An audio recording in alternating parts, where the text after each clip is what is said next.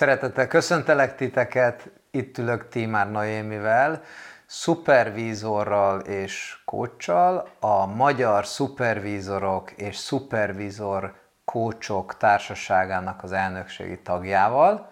Szeretettel köszöntelek, Noémi. Én is, Attila. És a szupervízióról fogunk beszélni. Önmagában arról kezdjük azzal, hogy, hogy mi, mi a szupervízió. Igen, mi a szupervízió? De ez egy olyan szó, amit egyébként többen többféleképpen használnak. Így van. De mégis nem olyan nagyon ismert, igazából egyik formája se. A szuper, az a fajta szupervízió, és majd elmondom, hogy ez miben más, mint a többi, amit mi csinálunk, ez én azt szoktam mondani, hogy szakmai önismeret. És akkor persze itt rögtön az van, hogy mi az, hogy szakmai önismeret, az melyik részem, hiszen nincsen nekem több énem, de hogy ez a, a szakmai önismeret, az a, a mi fogalomrendszerünkben azt jelenti, hogy ez a személyes és a szakmainak a találkozása hogy én a szakmai közegben személyesen hogyan működöm. De ugye nem tudjuk elválasztani, tehát hogy az egészet nézzük, de fókuszálni a szakmai kérdésekre, szakmával kapcsolatos kérdésekre fókuszálunk. Ez ilyen work-life balance. Az is benne van, az is benne van, azért ennél tágabb szokták, még mindenféle neveket, vagy ilyen, nem tudom, meghatározásokat szoktak mondani, hivatásgondozás, nekem az kicsit olyan idegen tőlem, szakember szerviz, az egy kicsit ilyen viccesebb, ugye, hogy az autónkat szervizeljük folyamatosan, ahogy baja van. Még a, még a testünkkel is valamennyire, ezért csak elmegyünk orvoshoz, hogyha már nagyon, nagyon olyan a, a bocsánat, helyzet. De, de, de a lelkünkkel, vagy az érzéseinkkel, saját magunkkal, hogy hogyan, hogyan vagyunk, azzal azért kevesebbet szoktunk foglalkozni. És a szupervízió az, az úgy nagy vonalakban ezt, a szupervízióban nagy vonalakban ezt csináljuk. Segíts egy picit, hogy, hogy coaching, mentálhigiéné, pszichológia, pszichológus, hol illeszkedik Éling, itt igen. a szupervízió igen, igen, igen, igen, igen, igen. Hát itt sok, sokféle, hogy ezek mindegy picit máshova fókuszálnak, illetve egy picit más eszközökkel dolgoznak. Talán mondjuk a, a tréning és a pszichoterápia van így a két végén. Ugye a tréningben van egy, úgymond egy tananyag, amivel megy a tréner, és persze valamennyire van lehetősége személyre szabni, de az mégis egy előre meghatározott tananyag. Mondjuk egy időgazdálkodási tréningen, nem tudom, eszközöket lehet adni arra, hogy, hogy, hogy hogyan érdemes dolgozni. A, ezen a skálán nekem, nekem a következő az mondjuk a coaching, ahol ez sokkal személyre szabottabb ott jön, a, jön az ügyfél, és azt mondja, hogy nem tudom, ilyen-olyan problémái vannak, és mondjuk, hogy ha, ha eljutunk oda, hogy hát ez egy, igazából egy időgazdálkodási kérdés, akkor meg lehet nézni azt, hogy neki igaz, valójában mi működik, az ő környezetében mi működik. A szupervízió ennél még egy picit mélyebb, mert azt is nézzük, hogy, hogy, hogy az ő személyiségéhez például mi passzol. Ugye? Mert nem vagyunk egyformák. Van, aki gyors, van, aki lassú. Van, aki ö, állandóan tudulistákat ír, van, aki ettől megőrülne.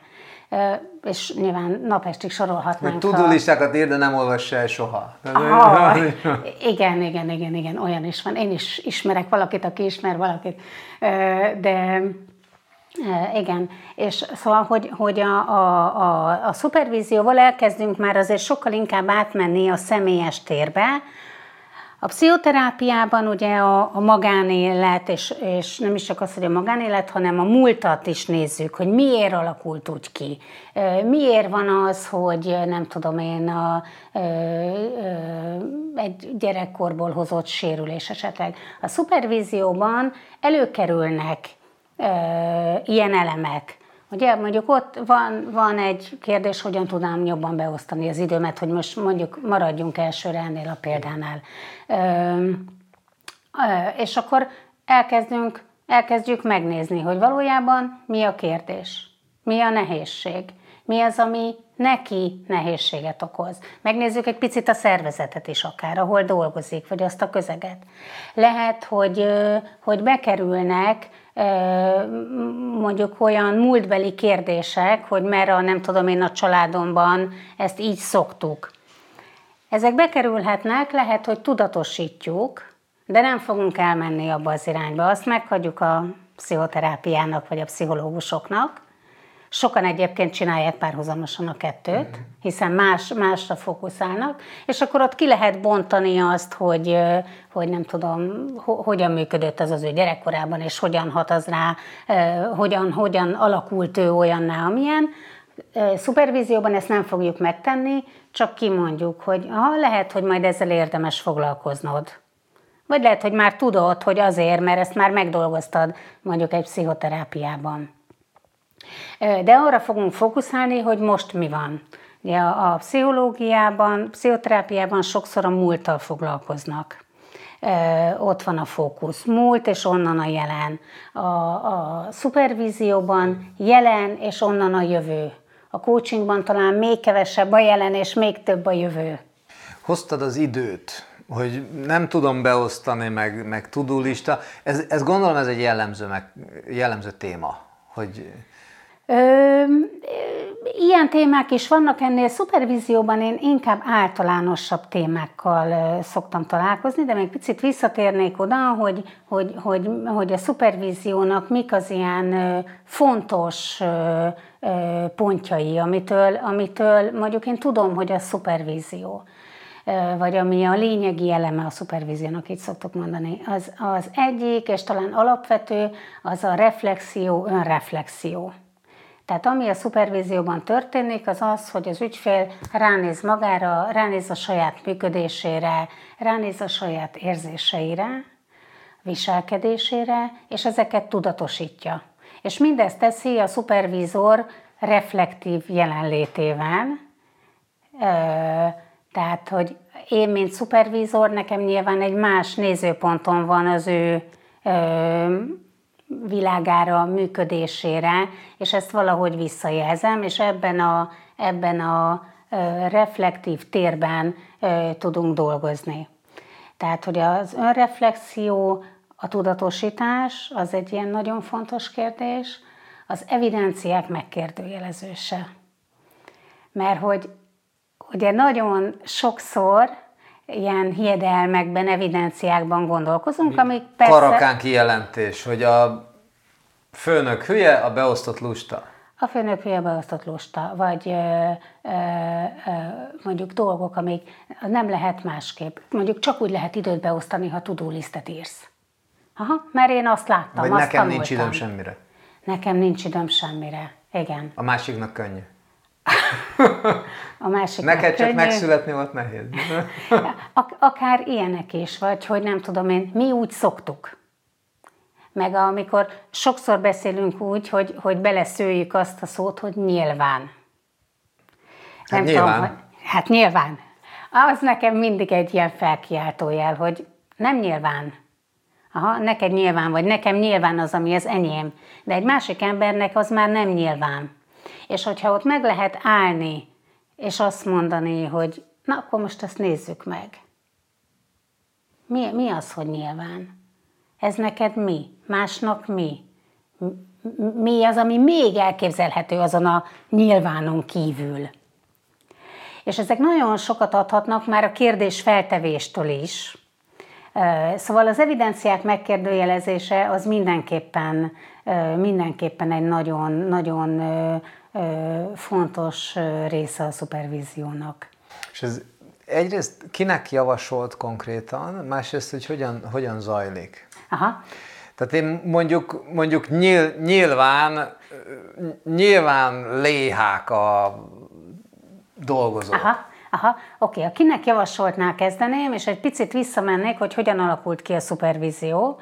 Egyébként ilyen a 19. század végétől kezdett kialakulni Amerikában, tehát ez mondjuk egy olyan Mm, hát még talán 1800... nem más. 1800-as évek vége fele, nem tudom a pontos dátumot, igen, és a szociális szak, szférából indult. És kezdetben tulajdonképpen ez egy ilyen administratív kontroll funkciója volt, és aztán később jött hozzá a, a, a, a tanulási funkció, ez így, hát valahogy így szervesen alakult, és aztán a 20-as években, amikor Európából sok pszichológus ment, Freud tanítványai például Amerikába, akkor így a pszichológia erős hatással volt a, a szupervízióra is, és megjelent a támogató funkciója. És aztán Európába csak a második világháború után került be, egyébként a Marshall terv keretében, hmm igen, Hollandiába került először, és ott tulajdonképpen csak ez a támogató funkció maradt meg, tehát a kontroll funkció elveszett, és ugye itt szoktak lenni ilyen, ilyen félreértések egyébként, mert hogy vannak cégek, ahol a, a nem tudom, mondjuk csoportvezetőket szupervájzornak hívják, és ami maga a kontroll funkció, de, de az a fajta szupervízió, amit mi csinálunk, abból abban már nincsen benne a, a, ez a kontrollfunkció. Szóval, hogy így került be Európába, és aztán fejlődött tovább, aztán 70-es években jöttek létre az első képzések Nyugat-Európában, és egyébként Magyarországon is már 25 éve létezik az Egyesület, tehát a 90-es évek elején jelent meg Magyarországon a szupervízió, 96-ban jött létre a, az Egyesület, amit ma úgy hívnak, hogy Magyar Szupervizorok és Szupervizorkócsok Társasága, és 100, hát olyan 150 körüli tagunk van, de ennél sokkal több egyetemi diplomával rendelkező szupervízor van Magyarországon. Ami még csak egy fél mondatot erről, a, a, hogy más szakmában hogy használják, talán sokan tudják, hogy a, a pszichológusoknak van még szupervíziója, volt a terápia nevű sorozat, azt valószínűleg sokan látták, de abban benne van ez a szakmai kontrollfunkció és több ilyen tudom, pszichológusok, pszichodramatisták például. Náluk van úgy szupervízió, hogy, hogy a szupervízor az egy nagyon képzett szakember ugyanabban a szakmában, és ő adja ezt a fajta megélési támogatást is, hogy ő hogy tudott a, az ügyfeleivel működni, és, és egyben van egy picit ilyen tanácsadó funkciója is mi abban a szupervízióban, amit mi csinálunk, ami nem egy szakmai szupervízió, abban ez nincsen. Tehát nekem nem kell, hogy szakértője legyek a hozzám fordulók szakmájának.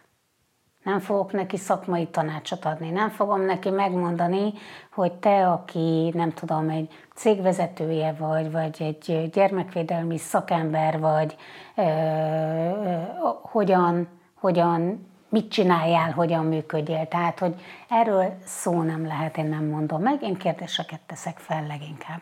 Tehát oda vezeted, hogy önismeretileg a saját Igen. szakmai elakadásában Igen. Igen, és akkor még egy Hol picit visszatérve, akik Igen. fordulhatnak hozzánk, Magyarországon leginkább a, a, a szociális szférában elterjedt a, a szupervízió, ott ismerik, ott sok helyen van egyéni szupervízió is, csoportos is, és team szupervízió is, de valamennyire az, az oktatásban is van, az Egyesületnek is van akreditált szupervíziója, tehát hogy a kötelezően elvégzendő képzések közül lehet szupervíziót is választani továbbképzés keretében, de tulajdonképpen azt szoktuk mondani, hogy mindenki, aki emberekkel dolgozik, hiszen ő mind, hiszen aki emberekkel dolgozik, az mindenki megérintődik. Tehát aki semmi más nem lát, csak gépet, ott lehet, hogy nem. De ha már van kollégája, főnöke beosztotja, akkor már valamilyen szinten mindenképpen dolgozik emberekkel, és akár miért ne jöhetne szupervízióba. A Magyarországon a business coachinggal kezdődött, most már a life coaching is elég kezd elterjedni, tehát rájönnek magánemberek, hogy szeretnék én, én valami, valami mást. Kik azok, akik tudják, hogy most akkor egy adott vezetőnek, vagy egy adott beosztottnak most éppen egy, egy, egy coaching folyamatra, coaching beszélgetésre, vagy egy szupervízióra van szükséged. Mert hogy nagyon közel van a két terület nagyon egymáshoz, ami a problémát illeti. Tehát, hogy, hogy én, mint ennek a cégnek a, az alkalmazottja, ennek a pozíciónak a betöltője, na már pedig most ez így nem mehet tovább, akkor hova menjek? Aha, aha. Igen. Ö- Hát a vállalati szférában, vagy a, a profit szférában viszonylag kevesen tudják, hogy mi ez a szupervízió, és kevesen hallottak róla. Remélem, hogy ez azért fokozatosan változik. Itt van, dolgozunk rajta. Dolgozunk rajta, és vannak egyébként, nekem is vannak abszolút profit szférából érkező ügyfeleim. Hát nagyon közel van valóban a szupervízió és a coaching, különösen egy egyéni folyamatban, és ott nagyon attól is függ, hogy a coach vagy a szupervízornak milyen mondjuk más végzettségei vannak, vagy ő hogyan szokott dolgozni. A szupervízióra azt szoktuk mondani, hogy, hogy módszertanában és eszközeiben eklektikus. Ugye, ez egy szép kifejezés, én is nagyon szeretem. Ez azt jelenti, hogy mondjuk az alapvető eszközünk az a kérdezés. De egyébként a legkülönfélébb eszközöket lehet használni, nem feltétlen egész módszertanokat veszünk át, hanem csak eszközöket egy-egy féle segítő szakmából. Tehát például használunk nyilván kártyákat, néha rajzoltatunk, de lehet pszichodramatikus elemeket használni. Tehát ugye nem fogunk egy pszichodrámát tartani, de aki ebben képzett, vagy erre van affinitása, ő használhat mondjuk ilyen egyszerűbb dramatikus elemeket. De aki, nem tudom, tranzakcióanalízisben vagy NLP-ben képzelt, ő nyilván fogja használni azokat a, a, az eszközöket, eszközöket is. És akkor az visszatérve arra, hogy, hogy, hogy éppen mire van szükség, az nagyon-nagyon változó, tehát hogy egy egyéni folyamatba akár belefér mind a, mind a kettő, hogy egy picit mélyebben megnézni, és akkor onnan elindulni. Néha nehéz meghatározni a, a különbséget a, a coaching és a, a szupervízió között, és nem is biztos, hogy, hogy annyira fontos ezt úgy nagyon-nagyon-nagyon aggatni rá címkéket. Talán a coachingban erősebb az eredményfókusz és a jövőfókusz, és azt, hogy, hogy mit és azt kipróbálni. A szupervízióban meg a fókusz talán jobban van a, a megértésen, hogy miért úgy csinálom, hogy mik a mozgatórugóim. De hát abból is elvezet egy, egy szála hogyan felé, ezt, ezt éreztem pont, ahogy, ahogy beszéltél róla, hogy, hogy a, a mentál higiénével látom a transzparenciát sokkal inkább, hogy nem, nem akarok én most különösebben jobb lenni, vagy, vagy eredményeket elérni, hanem itt, amiben én vagyok, ebben, ebben szeretnék jól lenni, csak a mentálhigiéné, amíg arról szól, hogy, hogy én a saját bőrömben, Addig a szupervízió az arról szól, hogy én abban a pozícióban, a saját bőrömben. Igen, igen, körülbelül így. Igen, igen, valóban. Valóban, valóban közel áll a, a mentálhigiénéhez is, igen. igen. És akkor itt még, minden eszköz jön, de bocsánat, igen, mondjad. Aha, még az, arról akartam beszélni, hogy hogyan, hogy, hogy mik azok a területek, amiket szoktunk mondjuk érinteni, vagy amiket érinthetünk a szupervízióban. Uh-huh és ugye azt mondjuk, hogy minden, ami a munkával kapcsolatos. Hát ez így nagyon tág, és hogy ezt egy picit jobban megfoghatóvá tegyük, ezt négy területre szoktuk osztani. Az egyik az a, az a kliensekkel, ügyfelekkel való kérdések, elakadások, kapcsolatok, konfliktusok. Ugye a szociális szférából indul az egész, tehát ott a kliensek mondjuk az ellátottak. Uh-huh de a, egy pedagógus esetében kliens a gyerek és kliens a szülő. A, tehát, hogy, hogy igen, akkor a második nagy terület az a, a kollégákkal való kapcsolat. vagy az ott felmerülő kérdések, és akkor az már tényleg a, hát nagyon, nagyon tág területen bárkit érinthet.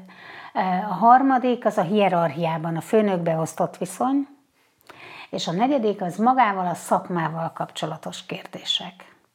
Tehát, hogy mondjuk, hogy a helyemen vagyok-e. Hm. Ugye? És akkor ezt lehet boncolgatni, hogy egyáltalán hogyan kerültem oda. Miért ezt választottam? Mi volt a motivációm akkor? Mi a motivációm most? Mi az, ami ott tart engem? Mi az, amit szeretek benne, és mi az, amit nem? Mi az, ami feltölt belőle? Mi az, ami leszív? stb. stb. De hogy ezek azért olyan alapkérdések, amik nagyon-nagyon gyakran kerülnek elő a szupervízióban, akár mondjuk így, mondjuk jön valaki azzal, hogy nem érzi jól magát a, a bőrében, gondolkodik munkahelyváltáson. Hmm.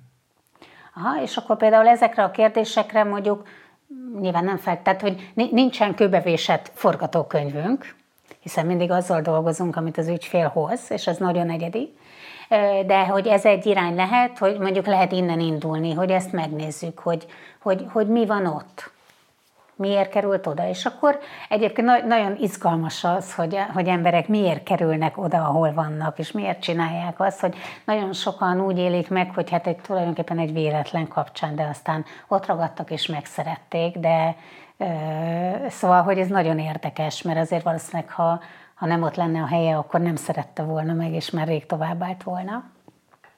És hogy annyi, én, én ugye nagyon sok embert hallom így a, röviden a, a történetét, hogy annyi kacskaringó van az emberek életében, nem is gondolnánk nem is gondolnánk. Azt szoktuk mondani, ugye azt látjuk, hogy valaki ott van, biztos, mert neki könnyű, merül már is, és akkor ment egyenesen, de hát az a legritkább eset, hogy valaki egyenesen ment Az mindig volna. visszafele nézve egyenes, az, az odafele megélve sosem. Vagy kívülről nézve. Igen, igen. Amikor igen, nem ismerjük igen, a kacskaringókat. Igen, igen, igen, igen.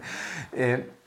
Van egy beszélgetés itt a Mental Health Summit-on Kovács Mártával pályaválasztás, karrier témában, és most így nagyon kicseng így a negyedik rész, és összekapcsolódik a kérdésekkel, hogy mondjuk egy munkahelyi problémával megérkezik szupervízióba az egyén, és, és a kérdések mentén egyszer csak rájön arra, hogy hoppá, nekem lehet, hogy az a munkahelyi problémám, hogy nyolc évvel ezelőtt fel kellett volna mondanom. Uh-huh, abszolút. Ezeket hogy, hogy kezelitek? Illetve, hogy vannak-e ilyen konkrét, hatalmas szemfelnyitódások? Ö, igen, néha vannak, de nem mindig. És ha vannak is, nem mindig ott abban a mondjuk egy órában, amíg együtt vagyunk hiszen két alkalom között úgy szoktunk, olyan nagyjából két hetente szoktunk találkozni, tehát ez nem egy, nem egy olyan szoros követés, mint, mint egy pszichoterápia, hogy lehet, hogy a két alkalom között egyszer csak az ember az zuhany alatt a fejéhez kap, hogy ah, na most így összeállt. De vannak, vannak ott is, és van, amikor nincsen. Sokszor azt érzem, hogy tulajdonképpen már így amikor eljön valaki szupervízióba, akkor már, már egy csomó minden végig gondolt, csak még nem állt össze igazából a kép. De, de vannak, és akkor van, van például olyan ügyfelem, aki úgy jött, hogy ő egy vezető, és hogy úgy valahogy nem, nem érzi magát komfortosan, nem szereti eléggé a munkahelyét, és hogy mm, ki akarja találni, hogy, hogy mit csináljon, az első alkalom után felmondott. Mm. Mondjuk ez engem is meglepett. De hát ugye nem ismertem még annyira, tehát nyilván ő, ő, ő így működik, és nagyon, és aztán persze dolgozunk tovább azon, hogy akkor hogyan, meg merre, meg mit. De van olyan ügyfelem is, aki, aki rég tudja, hogy fel kéne mondania, de annyi szállal kötődik, és akkor ugye az is lehet egy kérdés, hogy, hogy azt, azt egy picit kiszálazni, megfogalmazni, hogy, hogy, hogy hogy kötődik ő, miért kötődik ő, hogy kötődik szakmailag, mit kap szakmailag, vagy mit kapott szakmailag, megkapja még azt most is. Ha igen, akkor mondjuk ö, ö, megéri-e?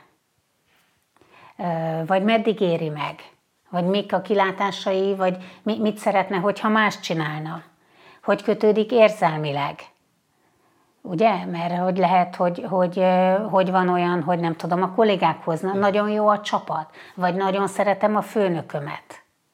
Érezhetem úgy, hogy, hogy kvázi tartozom neki a lojalitásommal.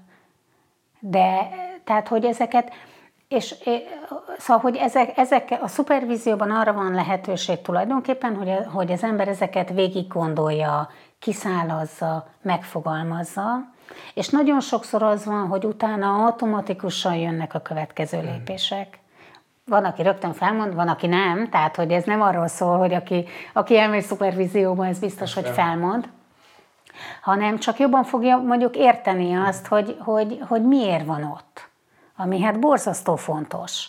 Mert amíg csak a rossz érzés van bennem, vagy, vagy, vagy váltó hullámzóan mondjuk, hogy néha rossz érzés, néha jó érzés. Nem tudom egyértelműen, mert jó is, rossz is. És ami még, ami még a szupervízióban fontos, hogy, hogy ha már így mondtam ezt a jó is, rossz is, hogy, hogy azt látom, hogy, hogy sokszor nincsenek eszközeink, hogy kifejezzük azt, ami bennünk van, és kifejezzük az érzéseinket, mert erre keveseket tanítanak meg gyerekkorában. Mm. És akkor nehéz túllépni ezen a jó-rossz kategórián, és akinek nem nagyon vannak eszközei, ők meg szoktak lepődni, amikor néha mutatok hosszú listákat az érzelmekről. Ennyiféle van. Hát, több száz. Tehát, hogy, vagy nem tudom, több tíz, de inkább ilyen száz körüli Sok. nagyságrendben lehet, és nyilván mindig lehet még cizellálni, és persze vannak átfedések, de, de hogy még ilyen nagyobb kategóriákból is tucatnyiak vannak, és, és mégis sokan vannak, akik a jó, rossz. Oké, okay, de akkor nézzük tovább, hogy mi az, ami jó, vagy mi az, ami rossz, hogyan jó, hogyan rossz. Hogyan zajlik egy ilyen folyamat? Aha, igen. A beköszönést, jó napot kívánok! Igen, igen, igen, igen. Először is ugye, hogy, hogy többféle műfajban dolgozunk, van egyéni, van csoportos és van team. Az egyéninél az egyértelmű, a, a teamnél egy együtt dolgozó csapat van jelen a szupervízióban, a csoportos szupervízióban pedig, pedig különböző helyekről érkeznek az emberek. Ez lehet úgy, hogy mondjuk egy, egy nagyobb szervezetnek a különböző pontjairól, és akkor az, hát az is inkább csoportos, de valamiféle, ugye mégis van egy közös, és akkor néha vannak ilyen tényleg szabadon szerveződő csoportok, ahol a, nem tudom én, a szociális munkás, a tanár, a, a kereskedő, a, hát bármiféle vállalkozó, mindenféle szakmából érkeznek a legkülönböző kérdésekkel, és egyébként ott is az a tapasztalat, hogy nagyon-nagyon ritkán fordul elő, hogy ne tudnék valahogy, vagy ne tudna az ember a másik kérdéséhez kapcsolódni, hogy ez olyan alapokat nézünk, még ez a, ez a ritkább. Tehát, hogyha ha, hogy eddig főleg talán az egyéni, az egyéni szupervízióról gondolkodtunk itt most a beszélgetésünk során. Tehát jön valaki, megkeres, és akkor van egy, hát ebbe változóan dolgozunk, sokan szoktak egy első beszélgetést csinálni, az néha csak telefonon, vagy hát most egyébként is sokat dolgozunk online, és akkor elindul a, a folyamat az ügyfélnek a kérdéséből, elakadásából, problémájából. Ugye most itt mondtam például ezt a karrierváltás, vagy jó helyen vagyok-e én.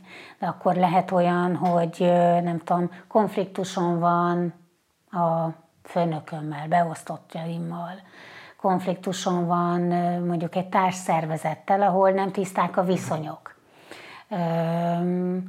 Szeretném mondjuk a, a, szociális szférában elég sokszor merül fel a határtartás kérdése, vagy a bevonódás, a túlzott bevonódás elkerülése. Lehet a munka magánélet amit ugye már itt az elején pedzegettünk. Szóval jön valamilyen kérdéssel, ami többé vagy kevésbé pontosan van megfogalmazva.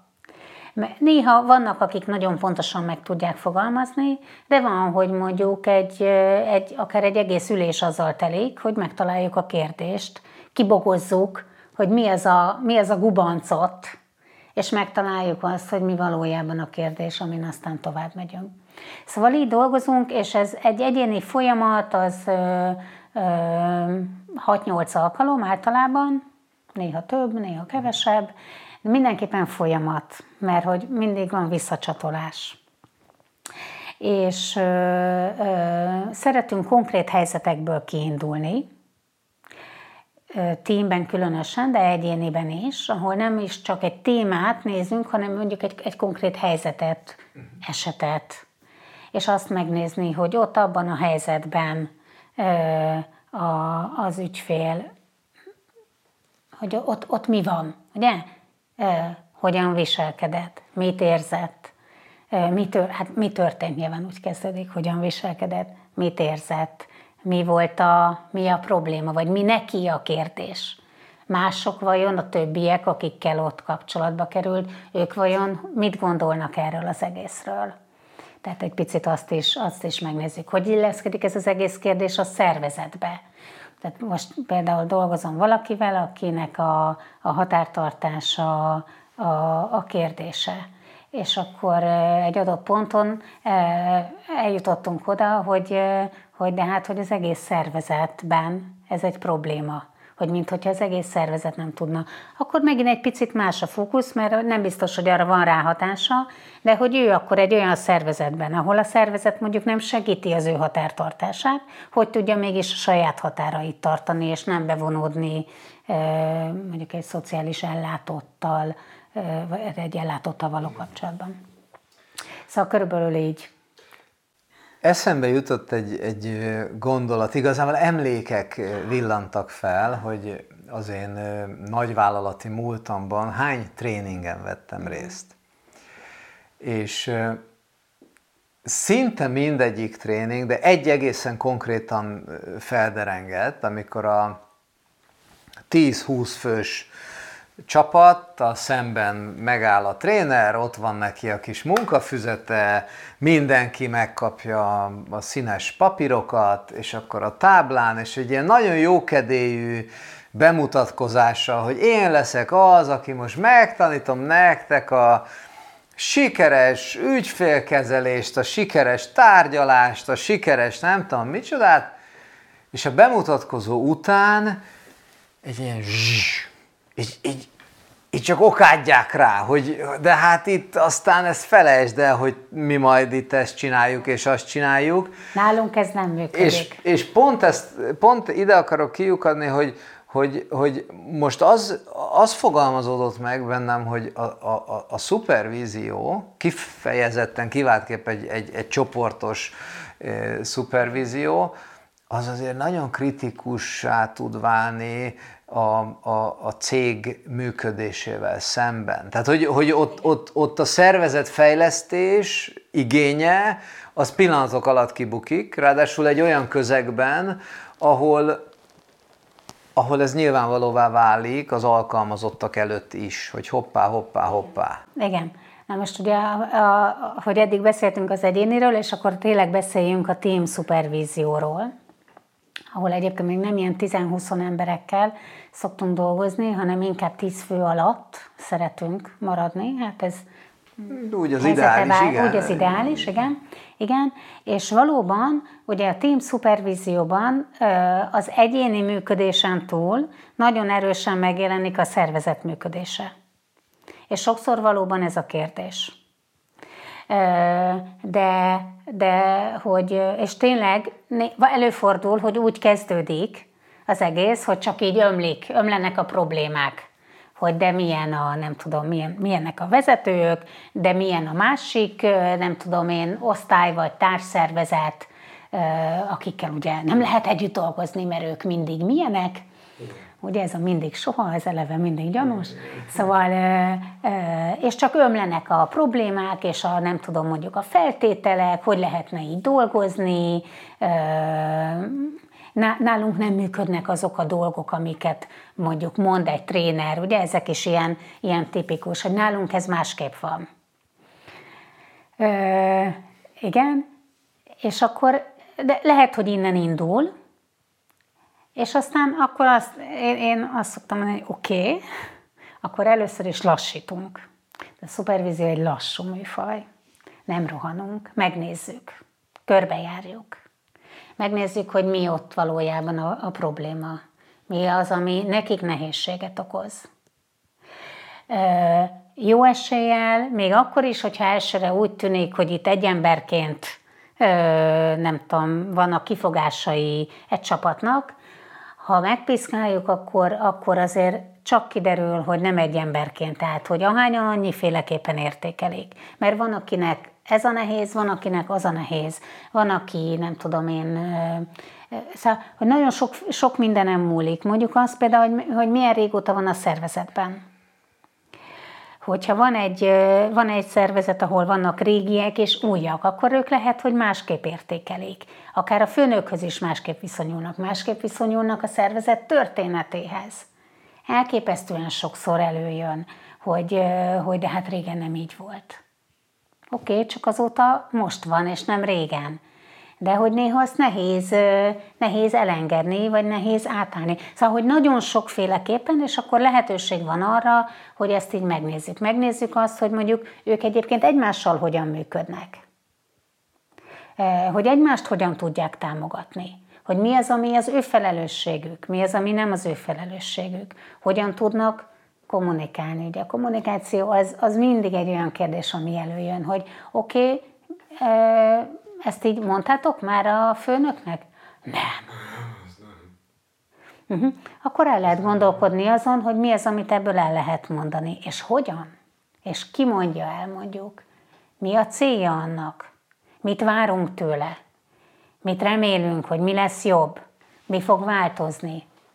De hogy ezeket, ez mind, mind, mind idő, és hát nyilván mondjuk egy, egy, egy team szupervízióban, ott még az egyéniben is, de a teamben talán még fontosabb a bizalom kérdése. Minden, minden folyamatot egy szerződéssel indítunk, ahol megállapodunk a keretekben, alapszabályokban, ugye ennek mondjuk a titoktartás mindig egy nagyon fontos pontja, de hát ahol nincsen mondjuk egy olyan szervezetben, ahol nem bíznak egymásban az emberek, ott elég hosszú idő lehet, és nyilván nem is feltétlen sikerült, hát kell egy szándék is a, a résztvevők részéről, hogy, hogy valami változzon, de hogy, a, hogy, hogy ezek nagyon sokszor bizalmi kérdések egy tímben, hogy kinek mit mondunk el, hogy mondjuk el. Igen, igen sokkal mélyebbek, mint egy, mint egy tréning elé odavetni a, a, a bandát. Van. És, Így van. De a tréningnek ugye más a feladata. Hát az, az, az, az más. Igen. Csak, Igen. csak ahogy, Igen. ahogy, ahogy így beszélgetünk, az derül ki, hogy nagyon-nagyon sok esetben, ahol, ahol tréning jelenik meg, ott egyébként szupervízió lenne Ez valószínűleg így van. Igen. Tehát, hogy, hogy, Igen. hogy önmagában az hogy, az, hogy szupervízió, hogy nézzük már meg azt, hogy mi is van nálunk, hogy Igen. hogy vagyunk mi, mint Igen. szervezet, Igen ez, ez nem egy rossz dolog, sőt, tehát ez egy, ez egy nagyon-nagyon fontos dolog, csak a, a, a rövid távú érdekek, adott esetben a vezetői oldalról, hogy aki ne derüljön, hogy... Igen, ugye nagyon sok ilyen, ilyen félelem kapcsolódik ehhez, hogy ki ne derüljön, vagy hogy akkor mi lesz. Ugye a vezetők is félhetnek attól, hogy ők akkor majd ott megmérettetnek, mint vezetők. De hogy egy szupervíziós folyamat az nagyon tudja segíteni a, a, a nyílt és őszinte kommunikát. Tehát a bizalom építés is lehet egy célja, és a nyílt és őszinte kommunikáció elkezdése is lehet a célja, ami nem egy könnyű dolog, ezt tudjuk, és különösen nem könnyű egy olyan szervezetben, ami hát hogy úgy mondjam, nem erre szocializálódott, tehát ahol ez nem szokás, hanem inkább így mindenki jól bebástyázza magát a, a nem tudom, vagy beveszi magát a bástyák mögé, és, és vigyáz a látszatra, és ugye vannak olyan szervezetek, ahol a főnök tévedhetetlen, hát ez nyilván nem segít, de, de, de tehát, hogy kell egy, kell egy szándék. Ha nincs szándék a változásra, vagy a változtatásra, akkor ott nagyon nehéz lesz. És persze, ha egy csapattal dolgozunk, és a, viszont a vezető elzárkózik, az megint, megint nehézségeket okoz, de hát ez egy Persze mindig. Tehát, hogy ezek nem könnyű dolgok. Lehet akkor a vezetővel is külön, még team szupervízióban az például nagyon változó, hogy ben van-e a vezető, vagy nincs. Általában nem, de, de, de lehet olyan, amikor kifejezetten az a cél, hogy, a, hogy a, mondjuk a vezetés és a csapat között ti kommunikációval dolgozunk, akkor, akkor, akkor lehet az jó, hogyha ben van. Szóval, hogy mindenféle variáció előfordul, és ezek tényleg ilyen egyéni, egyéni ö, megbeszélés kérdése, hogy hogyan. Mit, mit tudsz tanácsolni azoknak a szervezeteknek, bárki is legyen itt a, a szervezet képviselője, akik, akik érzik, hogy valami, valami kéne, de azért úgy aggódnak, hogy nehogy. Igen. Ö, az is Van lehet, miért hogy egy... aggódni? Tehát, tehát, hogy... Hát nézd, Attila, te is tudod, hogy az, amikor az ember elkezd önmagán dolgozni, az, az lehet fájdalmas. És most akkor majdnem mindegy, hogy milyen, milyen keretben, hogy a szupervízió, vagy mentálhigiénés beszélgetés, vagy pszichoterápia, ha én elkezdek magammal dolgozni, akkor lehetnek olyan felismeréseim, amik először fájnak. De, de hogyha ezen az ember dolgozik, akkor azért túl tudunk ezen lépni.